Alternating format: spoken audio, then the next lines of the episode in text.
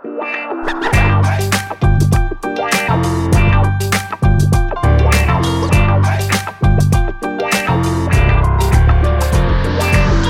welkom bij een nieuwe aflevering van een podcast over voeding. In deze podcastserie gaan we in op de wetenschap achter voeding en laten we wetenschappers aan het woord over allerlei thema's die met voeding te maken hebben. Bart Mol van I'm Foodie is er natuurlijk weer bij. Hoi Bart. Ja, hey, goedemorgen Arnoud en eh, goedemorgen ook Jaap. Maar eh, het is eigenlijk een hele heugelijke eh, aflevering. Het is vandaag gewoon show nummer 100. Echt, ja. Ja, ja, Ja, het is nummer 100. Ja, ja, ik, inderdaad. bedoel, ik zie Arnoud denken, maar vorige week had ik ook een show opgenomen, maar die komt pas aankomende vrijdag eh, online. Toen zeiden we Ja. ook al van, hé, is dit nummer 100? Dus als je dat luistert, dan hebben we eigenlijk een rekenfout gemaakt. Vandaag is het echt show nummer 100. Ah, heel bijzonder. Ja, en, En te, voor- en, en te ere van die... eh, van nummer 100 hebben we eigenlijk een soort van broodje Jaap met twee onderwerpen, heel stiekem. Dus het duurt ja. ietsje langer dan die Extra 20 minuten. Arnoud, denk ik. ja, want voor wie dit voor het eerst luistert, Broodje Jaap is onze rubriek binnen een podcast over voeding waarin we actualiteiten doornemen met eh, Jaap Seidel. Goedemorgen Jaap. Goedemorgen. En eh, dat doen we normaal binnen een kwartier of twintig minuten, maar misschien halen we dat niet. Het maakt allemaal niet zo heel veel uit. Ehm, want we hebben meerdere dingen om het over te hebben, deze honderdste aflevering, Jaap. En het Ja. eerste is groentechips. Ja, Ehm, wat, wat, is, wat was het, eh, wat is wat is het eh, ja, ge- gedoe? Wat is de actualiteit? precies. Nou, het RIVM heeft een eh, analyse gemaakt van groentechips. En dan hebben ze, hebben ze met name gekeken naar de stof acrylamide. Acrylamide, dat is een eh, stof die ontstaat wanneer je zetmeel ver- verhit boven de 120 graden. En dat reageert met eiwitten. En dat, dat gebeurt dus in heel veel producten, zoals broodbakken. En het is die bruine kleur die ontstaat wanneer je iets gaat bakken. Of frituren, hè, dus dat geldt voor friet ook natuurlijk, maar geldt ook voor chips. Die kleur, die, eh, dat is de Maillard-reactie en daarbij ontstaat acrylamide. En acrylamide, dat weten we nog niet zo lang, maar dat in proefdieren geeft dat in ieder geval allerlei ellende, zoals kanker en, eh, en allerlei andere afwijkingen. Eh, en dus er wordt ook geadviseerd aan mensen om niet te veel van dat acrylamide binnen te krijgen. Dus niet, hè, de chips niet te hard te bakken enzovoort. Maar die groentechips, dat, die worden natuurlijk verkocht een beetje als eh, ge- ja, gezond alternatief ten opzichte van de gewone Ja. chips. Ik zie dat heel vaak, hè, dat dan eh, hebben mensen, ja, maar we hebben groentechips, dus dat is wel gezond. Eh, want het is groente. Hm. Maar aardappels zijn ook groente in bijna alle landen behalve Nederland. Dus dat, dat is natuurlijk niet anders. En ehm, eh, we weten van gewone chips dat er acrylamide in zit, hè, als ze een beetje bruin gebakken zijn. Maar in die groentechips zitten ze eigenlijk nog minstens evenveel en misschien nog wel meer dan in gewone chips. Ehm, en bovendien zijn die groentechips even vet, even zout en er zit weinig, hè, er zit net, net zoveel ongezonde dingen in eigenlijk als gewone chips. Eh, dus het is helemaal geen gezond alternatief en eigenlijk misschien ook wel schadelijk. Du- Dus dat was het nieuws.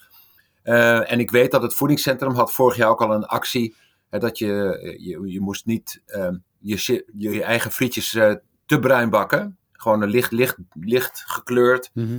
is eigenlijk meer dan voldoende. En hoe eh, bruiner ze worden, hoe meer acrylamide erin zit. En omdat we dus dat via heel veel bronnen binnenkrijgen, dus brood en crackers en, en nou ja, van alles en nog wat, ehm, is het natuurlijk toch wel eh, zaak dat je zo weinig mogelijk van dat soort producten eet. Ontbijtgranen zit er trouwens ook in. En koffie zit het ook in. Het ja, is ook gebrand, weet je wel. Dus het is, eh, ehm, eh, het is wel iets waar we ons zorgen over moeten maken. En eh, ja, groentechips, dat is dus de boodschap. Dat, dat is geen gezond alternatief voor gewone chips. Ehm, en dus als je aardappelen eet, eet ze dan gewoon ge- vooral gekookt. Of op een andere manier bereid, maar dat maakt niet Hey, uit. maar ja, maar, maar ja, zitten met het groentechips en eh, die eh acry- Acrylamide. acrylamide. Nou, god. maar ehm, zijn daar dan de waardes veel hoger dan, eh, dan dat je het in brood of crackers eet dan? Of is het naar verhouding? Of is het opeens dat groentechips opeens als een gezond artikel werd gezien? Nou, zo ze waren nog niet onderzocht volgens mij. En eh, het, vo- het voedingscentrum heeft denk ik het RIVM gevraagd om daar eens naar te kijken. En het blijkt eigenlijk dat die gehaltes dus hoger zijn dan in gewone chips. Eh, en hoe dat komt, dat weet ik niet precies. Maar ja, hetzelfde procedure, procedure wordt natuurlijk gebruikt. Hè? Je, je, je verhit echt eh, eh, zetmeelrijke producten. En er zit ook wat eiwit in. En daardoor ontstaan die bruine kleur en die knapperigheid en dat soort dingen. Dus dat is eh, eh, niet heel anders voor die groentechips dan voor gewone chips. Maar krijg je dan niet meer ehm, eh, voedingsstoffen binnen via groentechips? Of in elk geval andere voedingsstoffen ten opzichte van aardappelzoutjes? Je- Nou ja, in aardappels zitten ook voedingsstoffen. Hè? Mhm. Dus dat is, eh, eh, dat, de- het was altijd de belangrijkste bron van vitamine C voor de bevolking. Hè, dat is- heeft eh, eigenlijk de Nederlanders en de Ieren enzovoorts beschermd tegen scheurbuik massaal.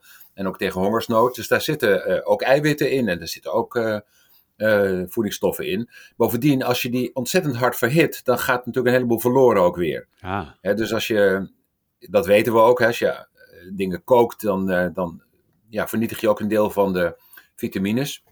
En dat geldt natuurlijk helemaal wanneer je nog meer gaat verhitten.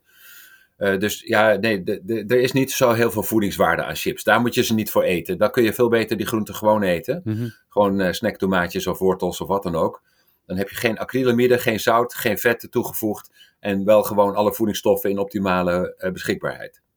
En eh, ik hoor je een paar dingen zeggen die eh, bij elkaar genomen toch best wel raar zijn. Namelijk ten eerste, we moeten ons zorgen maken over acrylamide. Ten tweede, het zit in de halve schijf van vijf. Want het zit in brood, het zit in ontbijtgranen, het zit in crackers, Ja. het zit in van alles wat we eten.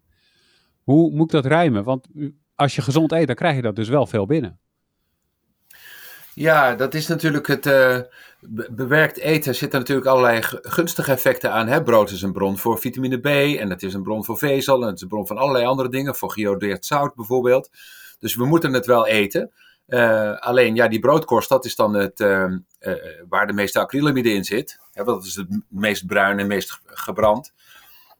Ja, die kun je dus eigenlijk misschien wel beter niet eten. Hè, dus kinderen die kieskeurig zijn en die de korstjes niet eten, dat zijn misschien wel verstandige eters. Oké, daar zullen een hoop kinderen denk ik blij mee zijn als ze dit zouden luisteren. en zouden het nog meer laten liggen. Nou, je kan als ouder misschien ook wat weer coulanter zijn dan. Ja. Ja, maar maar eh, Jap, f- eh, voordat iedereen straks eh, de crackers en eh volkorenbrood en zo allemaal opeens in het verdomhoekje gooien, eh, is er nog een soort van positieve boodschap in deze? ja, nou kijk, die ac- acrylamide, we weten niet zo heel goed wat het doet bij mensen. Dus het is een voorzorgsprincipe, hè, dat we zeggen niet te veel.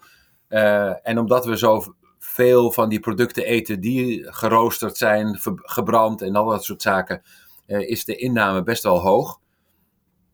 Maar wat het doet op de menselijke gezondheid, dat weten we dus eigenlijk niet zo goed. Want ja, mensen die veel eh verkoren brood eten, die hebben het over het algemeen best een gezond, gezond voedingspatroon. Mhm. En mensen die veel groentechips eten, of gewone chips, en dat soort, die hebben meestal s- een wat minder goede gezondheid. Maar dat komt misschien meer door het zout en het vet en eh, allerlei andere dingen dan, eh, en de calorieën. eh, dan die acrylamide. Maar eh, het is met heel veel stoffen zo. Hè, dat geldt ook voor PFAS en dat soort zaken. Hè, dat zit ook in alles eh, tegenwoordig. Eh, en plastic en microplastics en dat soort zaken. Kijk, het telt allemaal op. Hè? Dus al dat, die bewerkingen en die vervuilingen en die productieprocessen, die chemische eh, toevoegingen en dat soort zaken.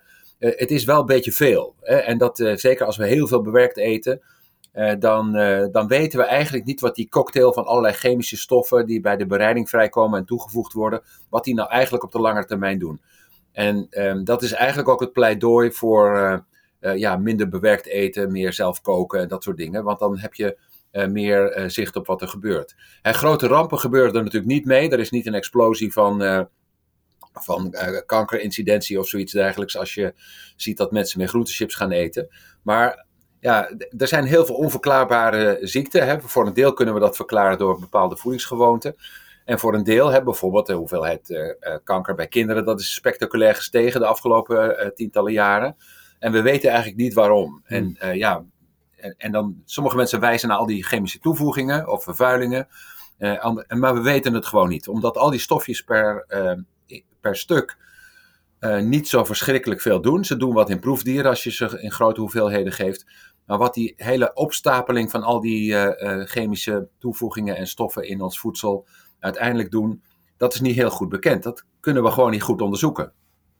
Nog even, even wat je even tussen neu- neus en lippen doorzet. Is er die stijging van aantal kankergevallen bij kinderen?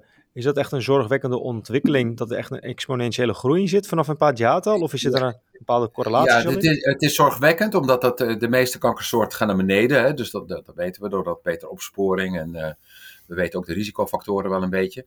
Uh, nee, dat is dus wel, wel verontrustend. Net zoals de toename van uh, type 1 diabetes. Dat is ook zo'n onverklaarbare ziekte, hè, ook bij kinderen.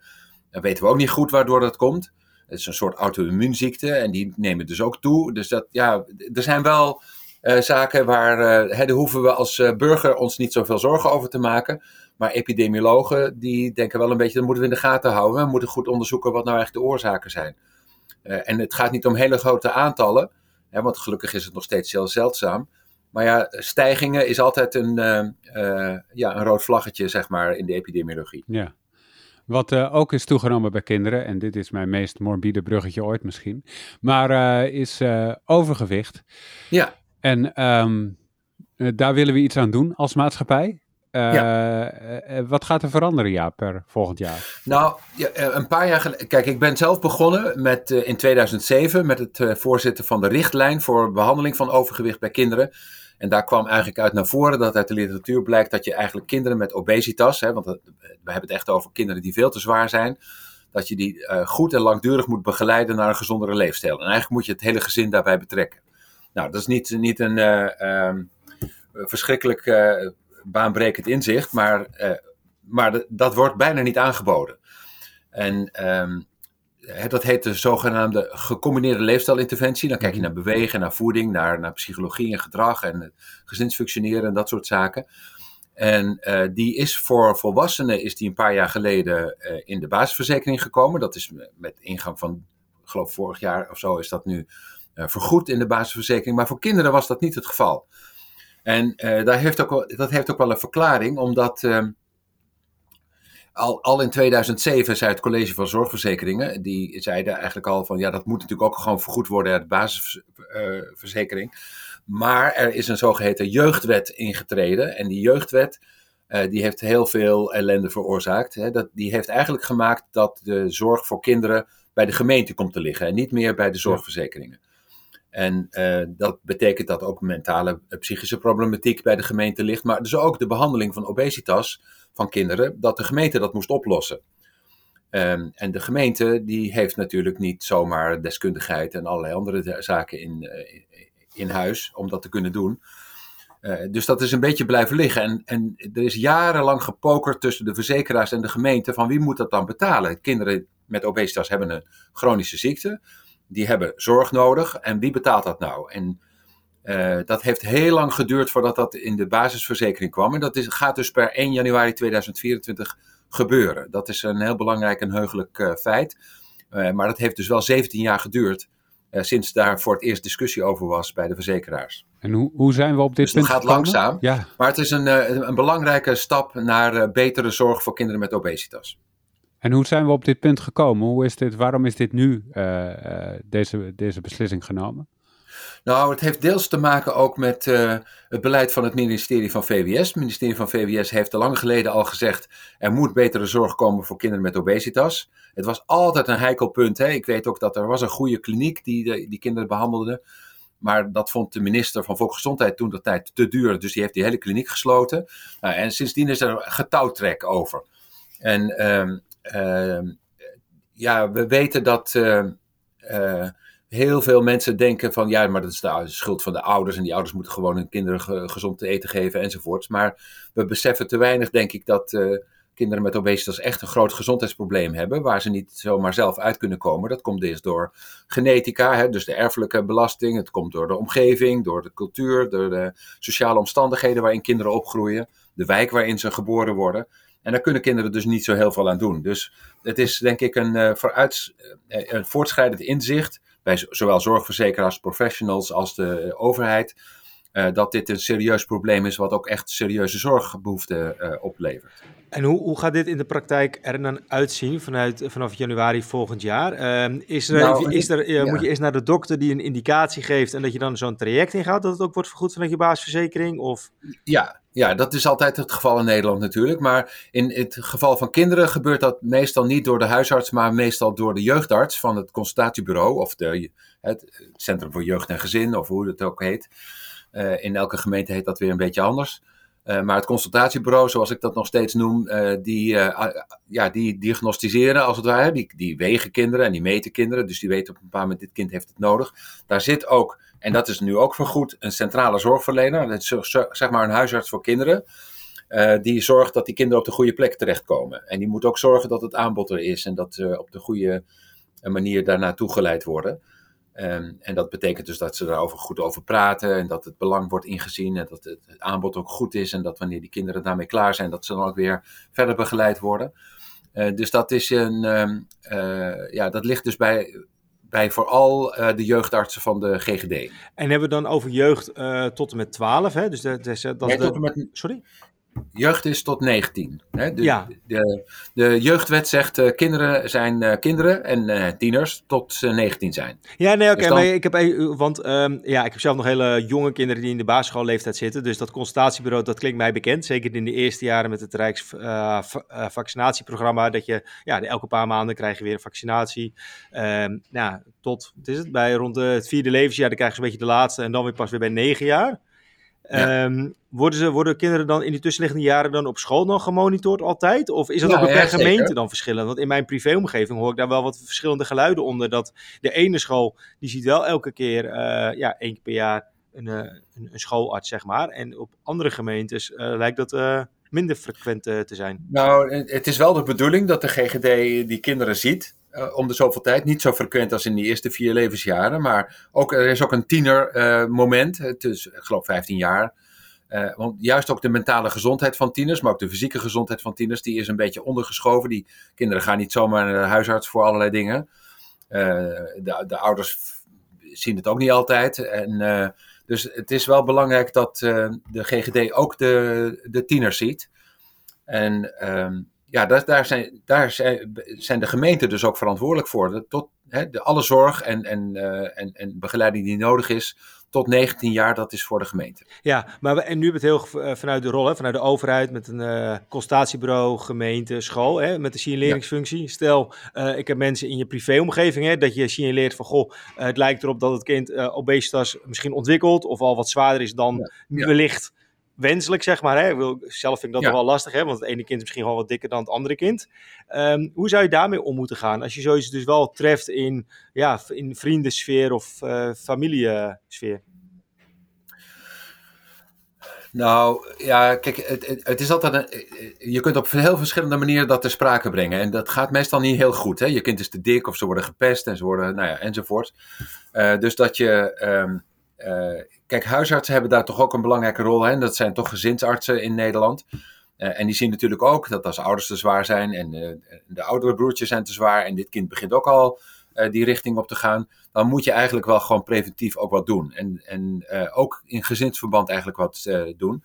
En dan niet zozeer zeggen van u moet maar afvallen en zorg maar dat u de volgende keer er gezonder uitziet, maar dat je veel meer ook ook als huisarts in samenwerking met de GGD kijkt naar wat, wat is het aanbod. Hè? Er is mm. veel aanbod, sporten in de wijk en dat soort zaken, maar ook wel uh, uh, aanbod voor leefstijlinterventies uh, voor kinderen en gezinnen. en dat, ja, wij hebben zelf ook wel onderzoeken daarna gedaan en dat bevalt eigenlijk best wel goed. Dus dat is iets wat. het, het is best wel ingewikkeld, ja. En dat weet, weten we ook omdat er veel uh, discriminatie en stigmatisering is. Hè. Dat wil zeggen, er zijn veel vooroordelen over kinderen met obesitas. Die hebben het echt heel uh, zwaar. Uh, en heel veel zorgverleners hebben daar ook last van. Hè. Die, die vinden dat moeilijke kinderen. die komen uit moeilijke omstandigheden vaak. En ja, dat, leefstijl veranderen is een moeizaam proces. Dus dat vinden ze dan echt heel ingewikkeld. En ik denk dat door de verbetering van het aanbod en ook het vergoeden in, vanuit de basisverzekering, dat dat gaat helpen. Dus dat maakt het legitiemer en het maakt het makkelijker om het te doen. Omdat daarvoor werd het ook niet vergoed. Hè? Dus je kunt van alles wel willen uh, doen en, en, en, mensen willen helpen en begeleiden. Maar als het dan niet vergoed wordt, ja, dan gaan zorgverleners uh, natuurlijk daar, uh, ja, is dat lastiger ja. gewoon. Ja, ja, dat snap ik met, met name omdat je op, op zo'n heel emotioneel gevoelig punt zit volgens mij. Want je wordt toch als ouder ja. word je aangesproken op misschien hoe je er zelf uh, uitziet. Of misschien ook hoe je kinderen dan uh, zich ontwikkelen op het gebied van gewicht, zeg maar. Dat het heel snel is, kan ik me voorstellen. Dat mensen denken, ja, ga je nou bemoeien met mijn, op, mijn opvoeding ja. en zo. Dat het, er zit zo'n hele zwing van emotie omheen. Terwijl mensen het natuurlijk goed bedoelen, zowel familie, vrienden als de centrale ja. zorgverlener. Nou ja, kijk, ik, denk dus dat, dat we daar dus ook een beetje van af moeten. Hè? Dus dat uh, in heel veel landen, en dat gaat ook voor Nederland, wordt obesitas gewoon gezien als een chronische ziekte. Net zoals astma of nou, allerlei andere dingen. Uh, die je kan hebben als kind. En uh, daar heb je gewoon goede zorg voor nodig. En dat moet je niet te veel emotioneel betrekken met schuldgevoelens en vooroordelen en dat soort zaken. En als het eenmaal gewoon gelegitimeerd is, ook om die mensen, kinderen te signaleren, te verwijzen en te begeleiden, dan wordt het ook veel minder beladen. Dus ik denk dat dit een heel belangrijke stap is in betere zorg voor deze groep. Hey, en zo'n leefstijlinterventie, hoe, hoe ziet dat er precies uit in de praktijk en hoe goed werkt het? Nou, dat, daar is veel onderzoek naar gedaan, ook in Nederland, uh, in, in Rotterdam en in Maastricht en in Den Bosch en in, in Amsterdam enzovoort. En daar, ja, dat zijn dus eigenlijk gewoon uh, niet al te beladen uh, programma's, maar het gaat eigenlijk over leer als kind weer jezelf accepteren, leer bewegen, vind, het, vind een sport die goed bij jou past. Ga gezonder eten, weet wat gezond eten is. maak, ga zelfs nou ja, met elkaar koken met het gezin en dat soort zaken. Dus het gaat eigenlijk meer over leefstijlbegeleiding die je eigenlijk bij alle kinderen wel zou willen hebben. Um, en het, het is vooral ook gericht op verbetering van kwaliteit van leven. Dus niet zozeer op van er moeten vooral uh, enorm veel uh, strenge programma's worden uitgevoerd met gewichtsverlies als doel. Maar het gaat eigenlijk voornamelijk om het verbeteren van de kwaliteit van leven. Hè, mentaal, sociaal, fysiek enzovoort. Zodat kinderen ook echt het gevoel hebben, hier heb ik wat aan. Dus het is ook, zeg maar, redelijk expliciet, oh, heeft het ook een psychologische component en het is niet alleen... Ja, absoluut. Ja, nou, het is natuurlijk, uh, uh, en dat weten we, hè, kinderen met obesitas hebben het vaak ook psychologisch heel zwaar. En uh, deels kan dus ook depressie of depressieve gevoelens weer leiden tot overeten en ongezondheid. Maar ook als je veel te zwaar bent en je wordt voortdurend gepest en uitgesloten en je kan niet goed meedoen met de sporten bijvoorbeeld, ja, dan ja, dan, dan hebben die kinderen daar ook weer psychologisch last van. En daar moet je dus ook bij geholpen worden. Ja, en gaat de kwaliteit van leven er echt op vooruit na zo'n interventie? Of gaat het ook ja, wel mis? Ja, in het onderzoek wat wij gedaan hebben, bijvoorbeeld uh, uh, bij Heideheuvel, hè, daar waren kinderen met echt, echt heel ernstige obesitas. Uh, die werden langdurig daarin begeleid met een leefstijlprogramma. En daar ging de kwaliteit van leven echt met enorme sprongen omhoog. Op alle terreinen. Dus dat is denk ik heel bemoedigend. En werkt het voor iedereen? niks werkt voor iedereen. Uh, je, je, hebt natuurlijk, hè, er zijn kinderen die zodanig erfelijke belasting hebben of genetisch geprogrammeerd om, om te zwaar te zijn, dat het heel erg lastig is om daar uh, wat tegen te doen. Maar het is gelukkig een heel kleine minderheid. En er zijn omstandigheden, bijvoorbeeld gezinnen, armoede, ellende, nou, allerlei problemen, die het ook heel erg moeilijk maken om die gedragsverandering blijvend te maken. Maar of, ja, ik, ik denk dat ook wanneer het aanbod beter is en de vergoedingen goed geregeld worden, dan worden ook de resultaten gewoon steeds beter.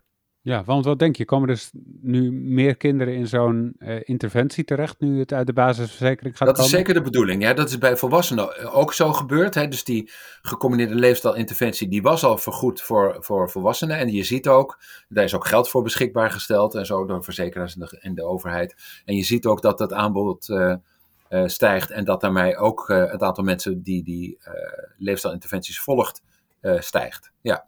Nice.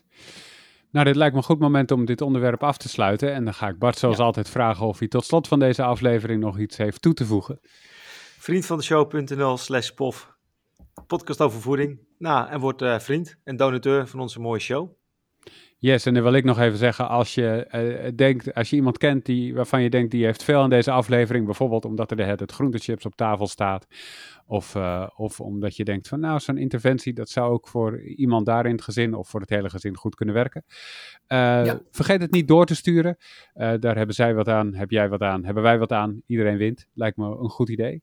En als je sterretjes kan geven in je podcast hebt, doe dat dan ook vooral. Helpt anderen ons te vinden, zijn we ook heel blij mee.